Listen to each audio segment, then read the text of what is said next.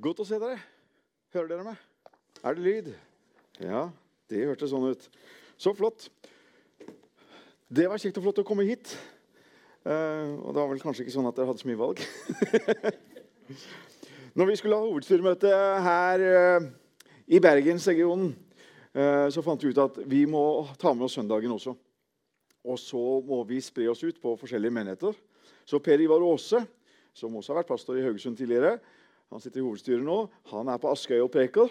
Stein Bjørkholt, nye menighetsrådgiveren, han eh, ble igjen i Betel. Og det er noen som er sammen med han der.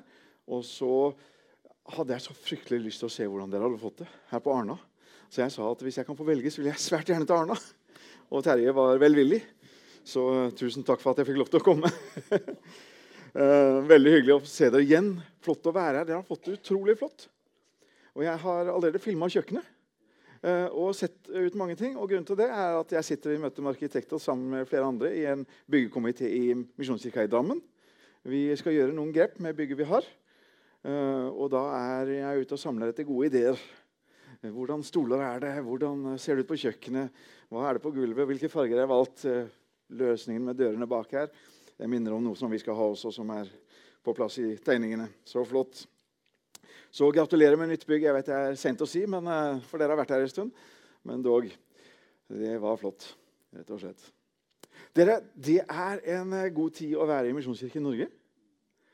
Jeg er stolt over å få lov til å lede et kirkesamfunn som er i en sånn positiv bevegelse. I 2010 så satte vi oss noen hårete mål gjennom Vekst 2020.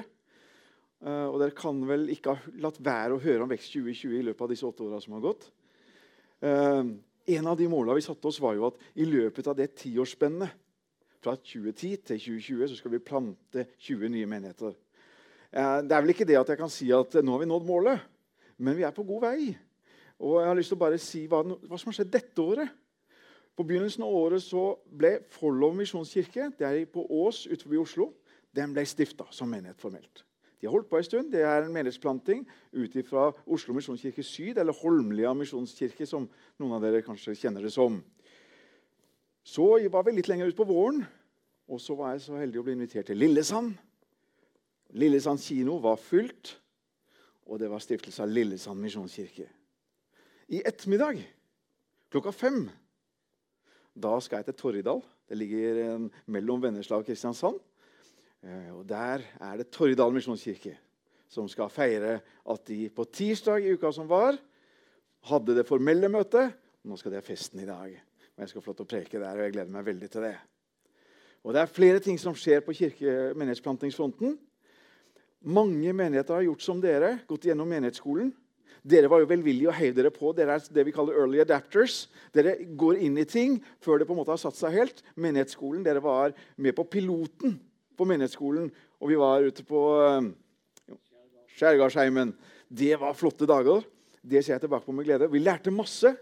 Og vi har gjort noen endringer i opplegget etter det. Men det var verdifulle dager. Jeg håper at det var også verdifulle for, for dere.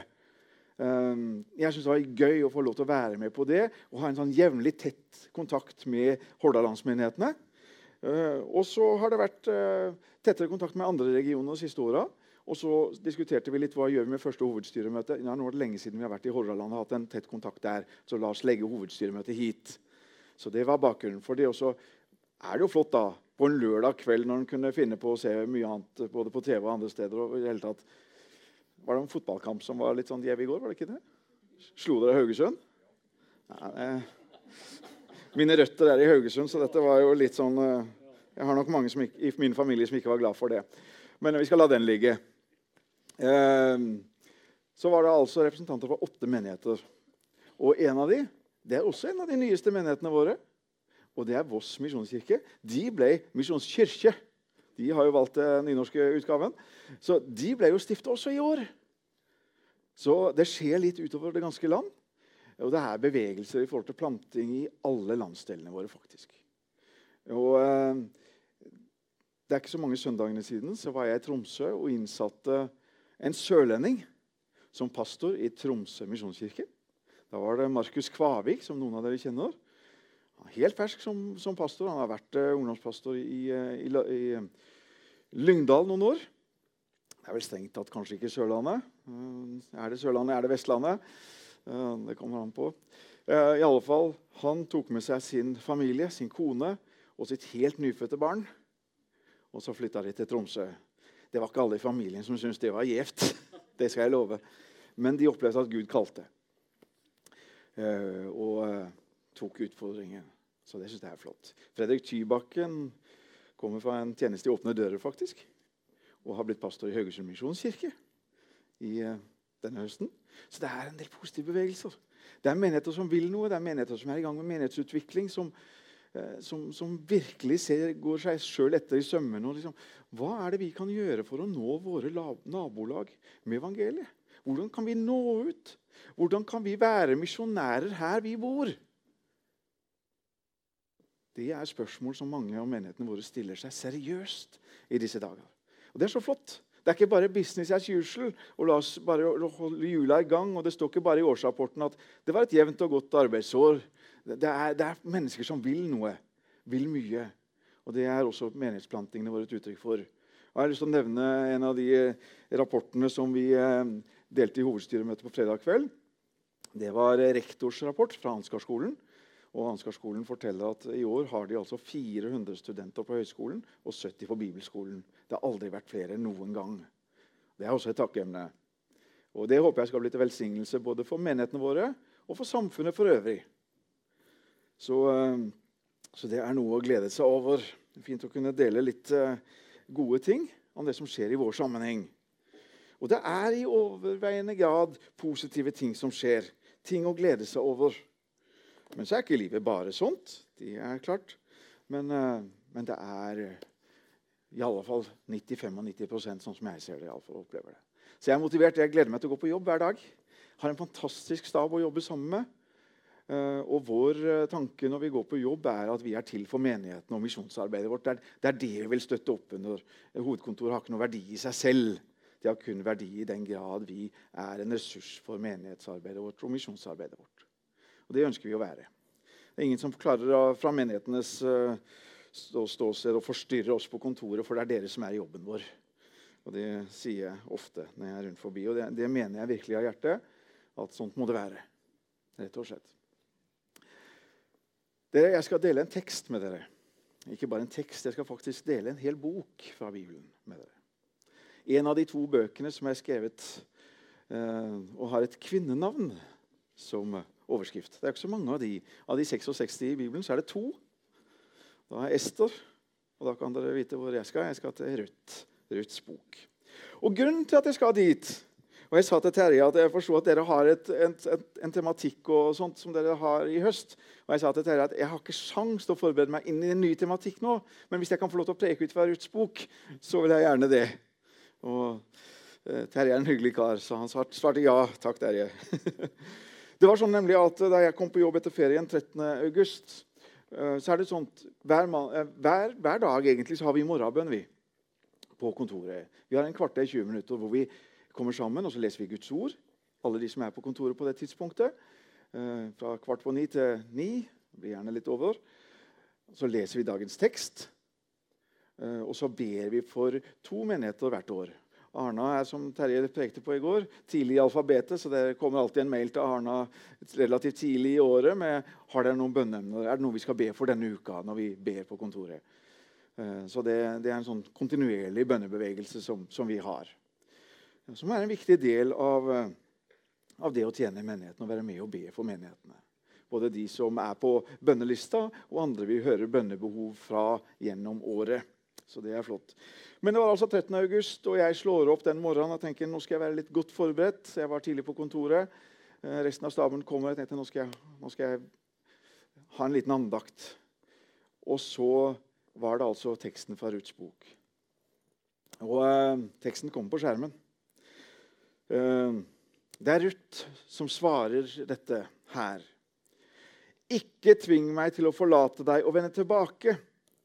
For dit du går, vil jeg gå, og hvor du bor, vil jeg bo. Ditt folk er mitt folk, og din Gud er min folk.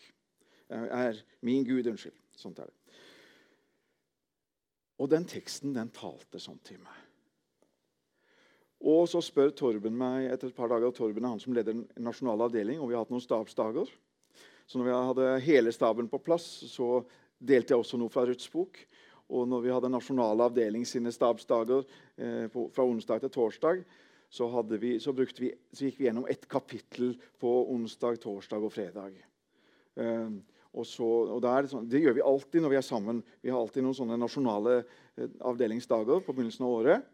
Da tar vi alltid et kapittel hver dag. Så går vi og leser det hver for oss. Og så kommer vi tilbake og så forteller vi hverandre hva Gud har talt. Og så vokser teksten mellom, i hendene våre på en måte som er helt fantastisk. Og dette året ble det Ruths bok.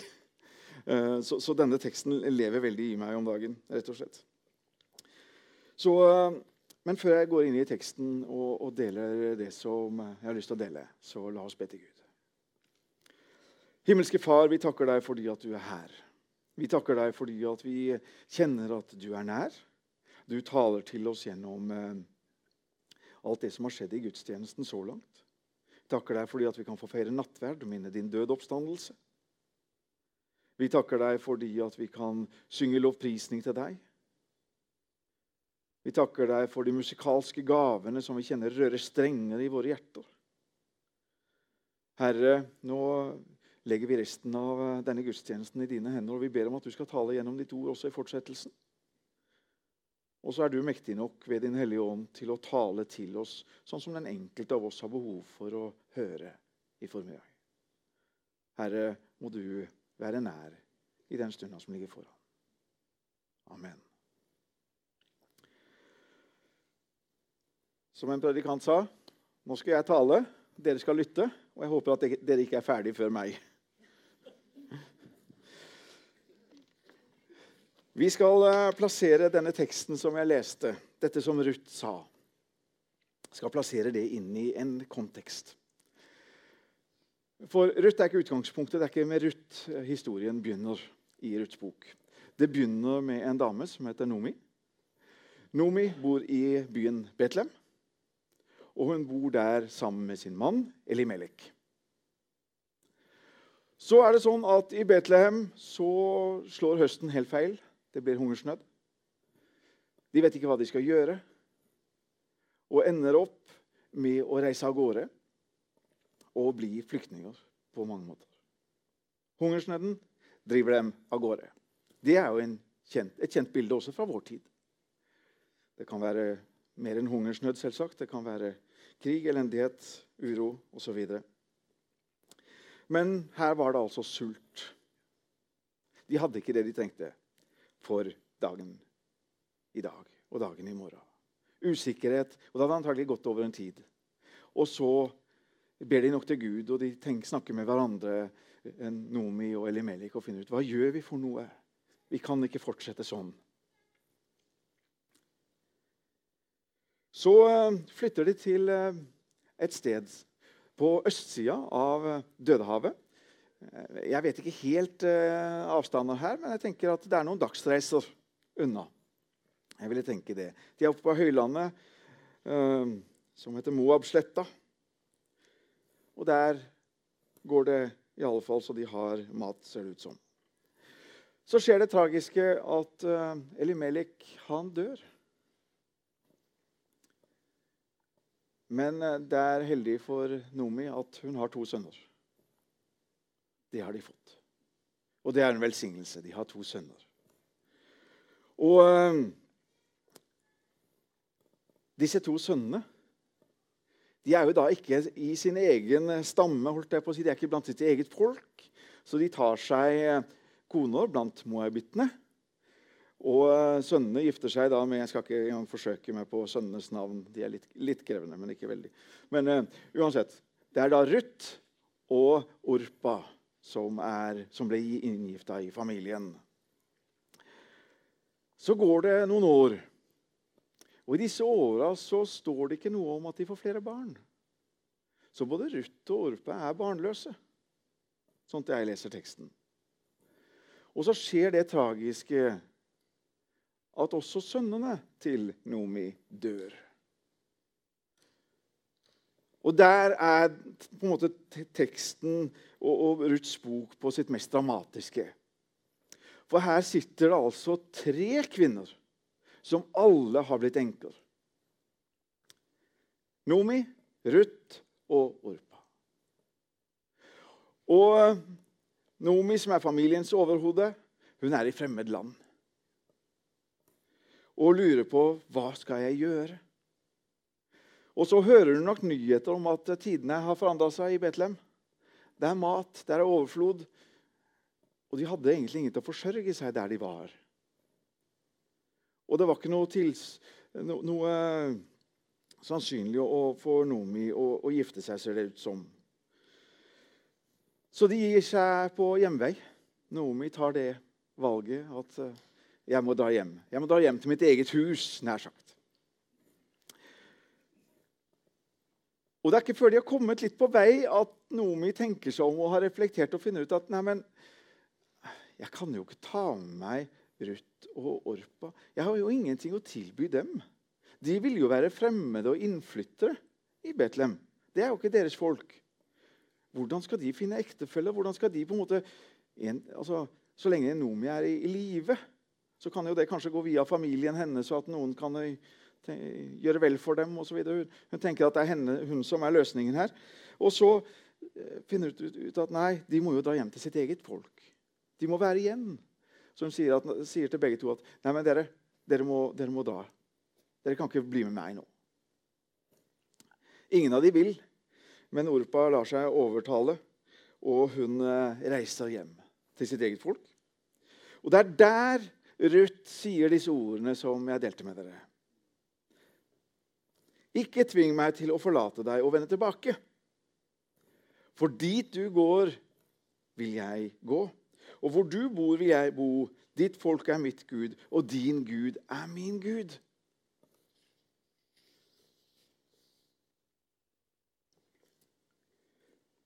Så når Ruth følger sin svigermor, da har de gått fra to til tre. De kommer til Betlehem, og i Betlehem så skjer det at de må jo forsørge seg på et vis. Og det kan nok være at var, unnskyld, Nomi var såpass gammel at hun kunne på en måte ikke, hun hadde kanskje ikke helse til å ut og, og jobbe, men Ruth var der. Så Ruth går og jobber på ulike gårder, kanskje. Ender opp etter hvert hos Boas og på gården til Boas. Der er det mange som driver med høst, og hun får lov til å plukke aks. Og hun blir møtt med velvilje etter hvert som de fanger opp at her er det en, en person som ikke hører til arbeidsstokken, som, som er å plukke litt, litt korn, sånt reste, rester. Smulefare i rike spor, kunne vi kanskje kalle det. Uh, og så uh, får hun beskjed om at nei, men, uh, her kan du være, her kan du bli. Og så får høstfolka beskjed om at de skal la noen aks ligge, sånn at Ruth kan få nok mat å bringe hjem. Og det er på mange måter sånn historien her. Og, og Boas han tar jo Ruth til ekte. De gifter seg mot slutten av Ruths bok. Og dermed så tas hun inn i en familie og opplever at hun kan bli både tatt hånd om og forsørga selv, men også sin svigermor. Hva handler Ruths bok om? På mange måter så er Ruths bok en historie om tap. Det er tapet av ektemenn, tapet av de nære. Og det er også litt sånn mellom linjene her også dette at verken Ruth eller Orpa fikk barn. Så det er jo et tap av barn, altså tap av neste generasjon her også, som vi kan lese inn i teksten tror jeg det er riktig å gjøre. I alle fall. Det er en historie om tilhørighet. Og også atskillelse. Nomi og Elimelek de var blant sitt folk. Og så valgte de å dra. Så kan en stille spørsmål ved var det et riktig valg. For Herren var jo der og sørga for sitt folk i Betlehem. Og så hørte de om døds, fant ut at nei, vi drar tilbake. Tenkte de da at ja, har, nå gjorde vi feil. Vi stolte ikke på at Herren ville være med oss der vi var. Jeg vet ikke. Det står det ingenting om. Det er en historie om familie. Det er en historie om en familie med rikdom. For de hadde velstand. De hadde mye. Nomi og Elimelek. Men det ble fratatt dem gjennom hungersnød og gjennom at ting ikke utvikla seg. Så nå, Jeg vet ikke om dere ser det, men, men jeg får en sånn assosiasjon til en lignelse som Jesus forteller i Det nye testamentet. Nemlig om den bortkomne sønn, som drar bort. Den bortkomne sønnen brukte riktignok alt og på en måte var, uh, søkte bort fra Gud og fars hjem. Men, men det er på en måte det er noe parallelt her. For Nomi og Elimelek de dro også bort. For de tenkte at her skal vi få det til. Og så fikk de det ikke til, og så ble det tapt, tapte de alt over år. Og så døde alle. Mennene, iallfall. Og så finner de ut at nei, men, vi hadde det jo bedre hjemme, og vi ser at Gud er der hjemme. I Betlehem. Han er der. Og ikke, Jeg sier ikke med det mellom linjene at Gud ikke var i, der de var, i Moab-ørkenen. Det tror jeg også. Så, så, det er ikke det, men, men, det er liksom, de bestemte seg for å dra hjem. Så, så uh, Iallfall ser jeg dette her. Og så ligger det mellom linjene. Ikke bare mellom linjene. Men det gjøres også til et tema. At hvorfor skjer dette her?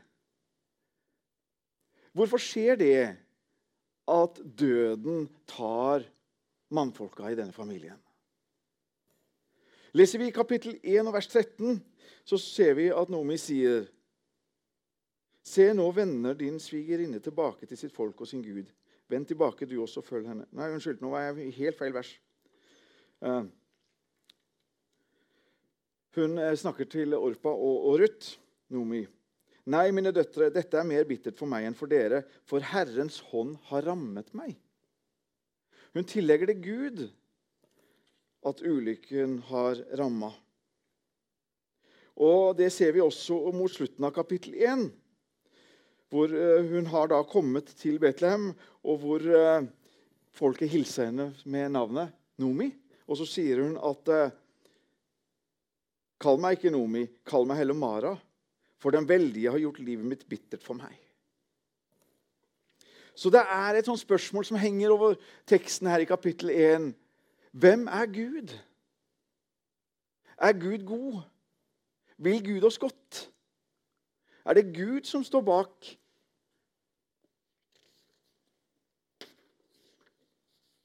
Det er tre ting jeg har lyst til å dele med dere. Og Jeg skal ikke bruke kjempelang tid på noen måte. Det skal jeg ikke gjøre.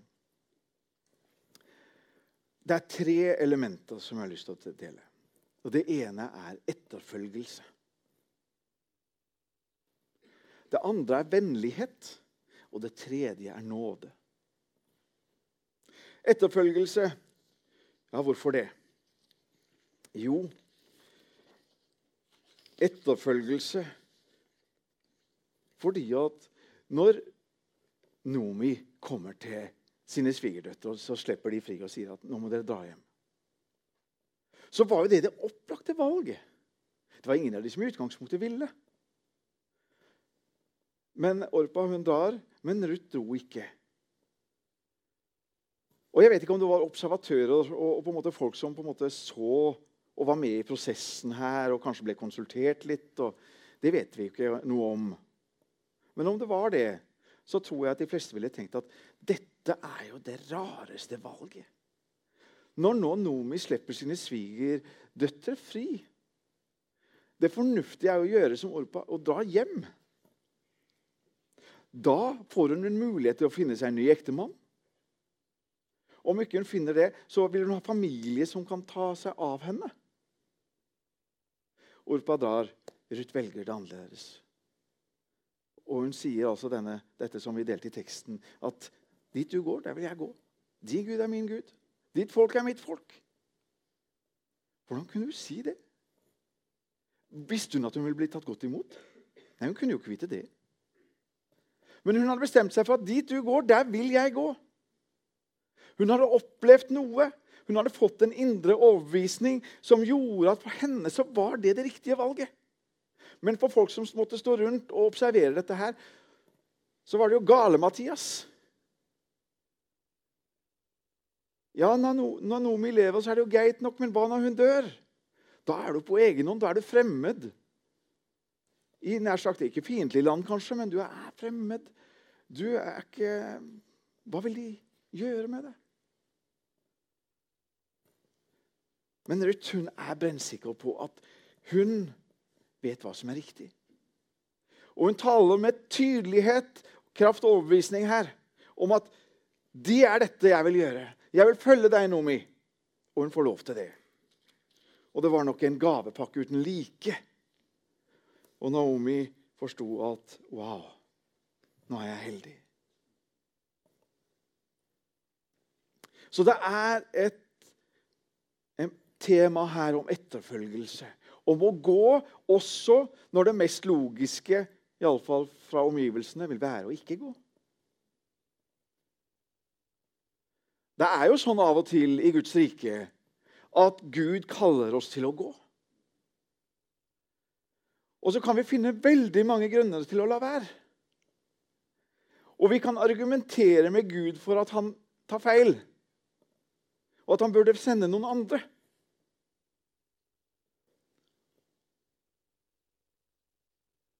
Men så kan vi gå noen runder med Gud. Og så er det sånn at når Gud taler, så har han stort sett rett. Han har alltid rett. Men vi kan være trege til å høre mange ganger. Og jeg har hatt mange diskusjoner og runder med Gud i forhold til kallet i mitt liv. En av de var jo da jeg ble kalt til denne oppgaven som generalsekretær. Ja, Da hadde meg og Gud noen heftige krangler. Jeg så ikke at det var en, en, en god vei og en fornuftig vei i det hele tatt. Og sånn har det vært. Det har vært noen sånne runder. Men så kan en jo da erfare at ja, det å lytte til Gud, det, det svarer seg. Det leder gjerne til noe godt. Og det fikk jo det fikk jo se her. Dette var jo veien forut. Gud var med henne og velsigna henne. Først med at hun fikk en åker å plukke korn på. Så ble det lagt ut litt større aks. Så fikk hun en ektemann. Gjennom det, ja, det, var, det er masse velsignelser her fordi at hun valgte å følge. Hun var lydig. Så det er et tema her. Og Du legger merke til når du leser Ruths bok, at uh, de møter hverandre på en helt fantastisk måte, disse menneskene som er omtalt her. De, er, de møter hverandre med velsignelser og godhet. Vennlighet. Uh, og en kan jo lese ikke bare mellom linjene, men at uh,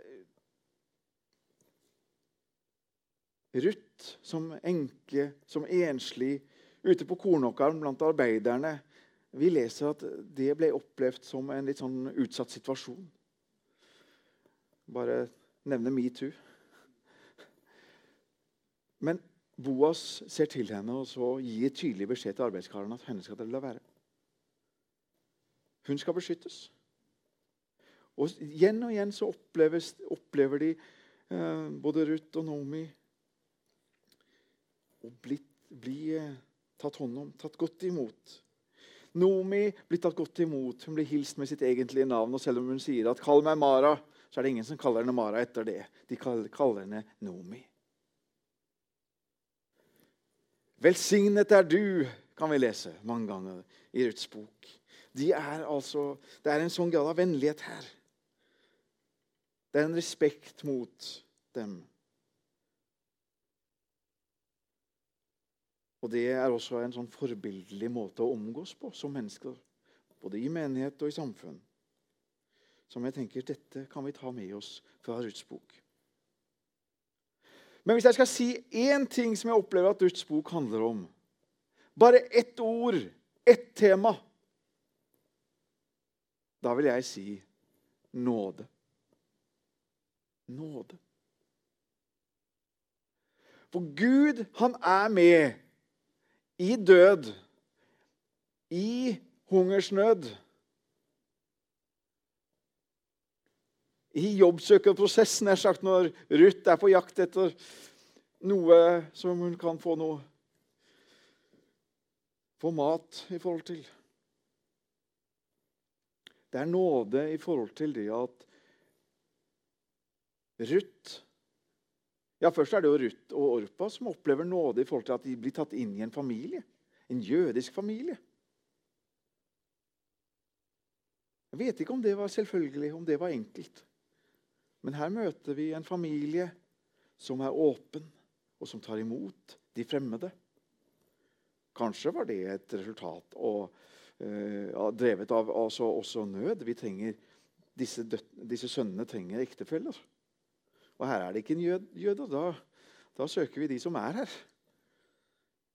Men de blir tatt imot med en respekt. Og, og, og Ruth opplever at dette er en så god familie at hun sier at ja, men jeg vil følge deg, svigermor. Og jeg skal ikke falle for fristelsen til å kjøre løpet med svigermorvitser akkurat nå. Men det er jo ikke alle som ja, det, er, det er kanskje mer myten enn virkeligheten. Vel Nomi sier til Ruth i kapittel 2, vers 19.: Velsignet er Han som vil kjennes ved deg. Velsignet er Han som vil kjennes ved deg.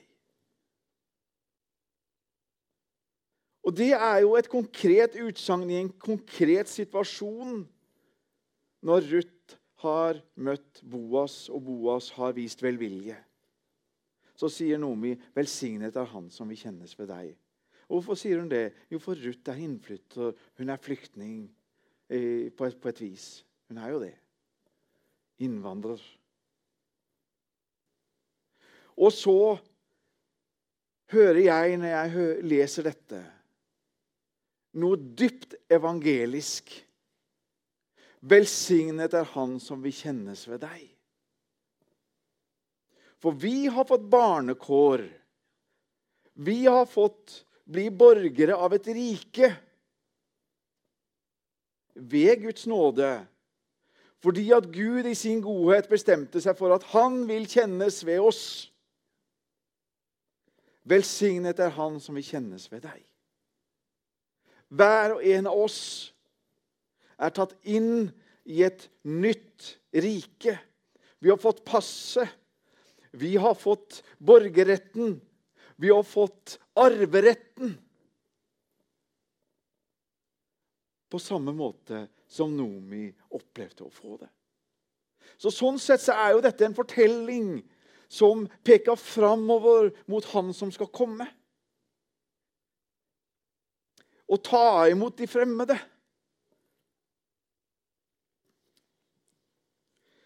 Vi finner Boas som gifta seg med Ruth.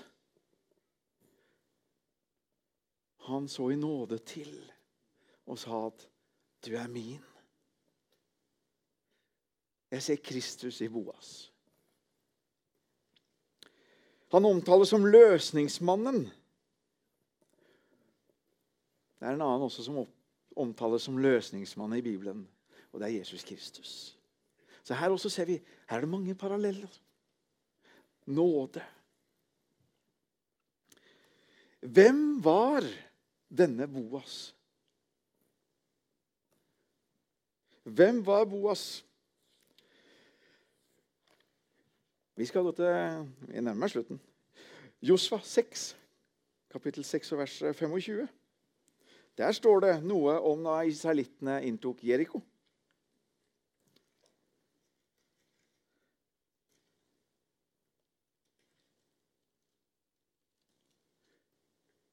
Det var en krevende øvelse å innta Jeriko.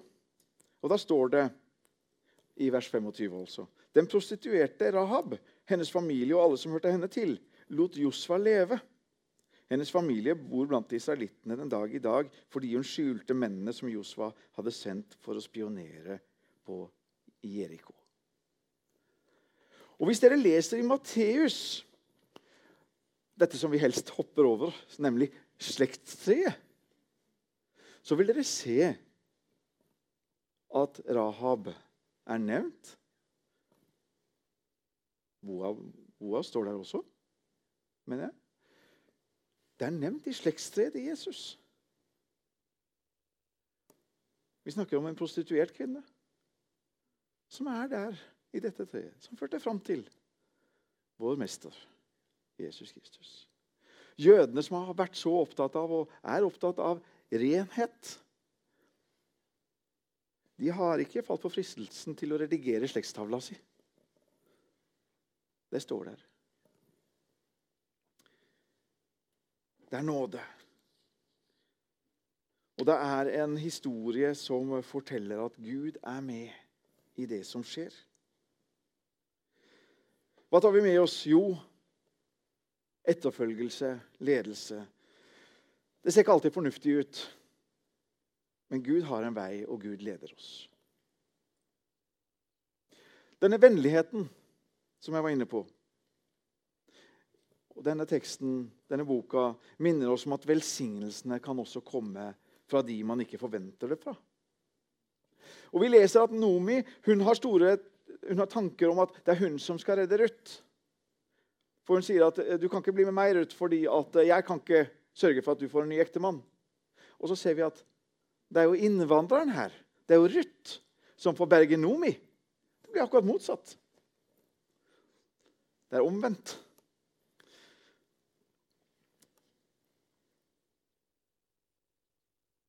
Vi kan oppleve å bli velsigna fra steder og fra personer vi ikke tenker at kan ha noe å bringe til oss. Og Det er kanskje en tanke vi kan i vår hovmodighet og i vår norskhet komme til å tenke at det er vi som skal være til velsignelse. For vi har jo alt, og vi er så ressurssterke. Men velsignelsene kan komme til oss fra mange steder og fra mange personer vi ikke aner det. Men vi må åpne oss for det. Det er en ting jeg tar med meg fra denne teksten. Og så kan vi selvfølgelig også få være til velsignelse selv. Det kan vi. Og til sist Velsignet er Han som vil kjennes ved deg. Gud er vår løsningsmann. Og Jesus hilser oss avslutningsvis i sin tjeneste her på jorda med Se, jeg er med dere alle dager inntil verdens ende. Og så kan vi få lov til å ta med oss dette her, at vi kan få lov til i lys av den nåde vi selv har mottatt, å vise nåde mot andre.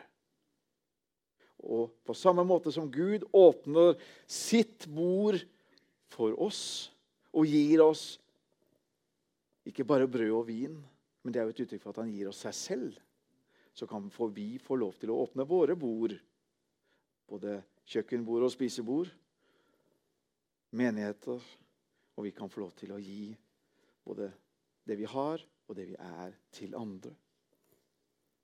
Og vise den nåde som vi selv har blitt vist. Det var det jeg hadde lyst til å dele med dere i formiddag.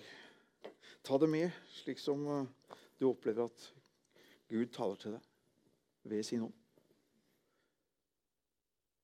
La oss be. Himmelske Far, takk at du er her. Takk at du taler gjennom ditt ord. Herre, må du tydeliggjøre det for oss hva du ønsker at vi skal særlig ta med oss ifra ditt ord. Herre, levendegjør ordet for oss, også i fortsettelsen. Herre, hjelp oss i vår ferd å lytte til deg, følge deg der du går. Hjelp oss å være villige til å være villige. Og på den ferden vi går Hjelp oss å møte hverandre med vennlighet. Og gi videre av den nåde som du har gitt oss. I Jesu Kristi navn. Amen.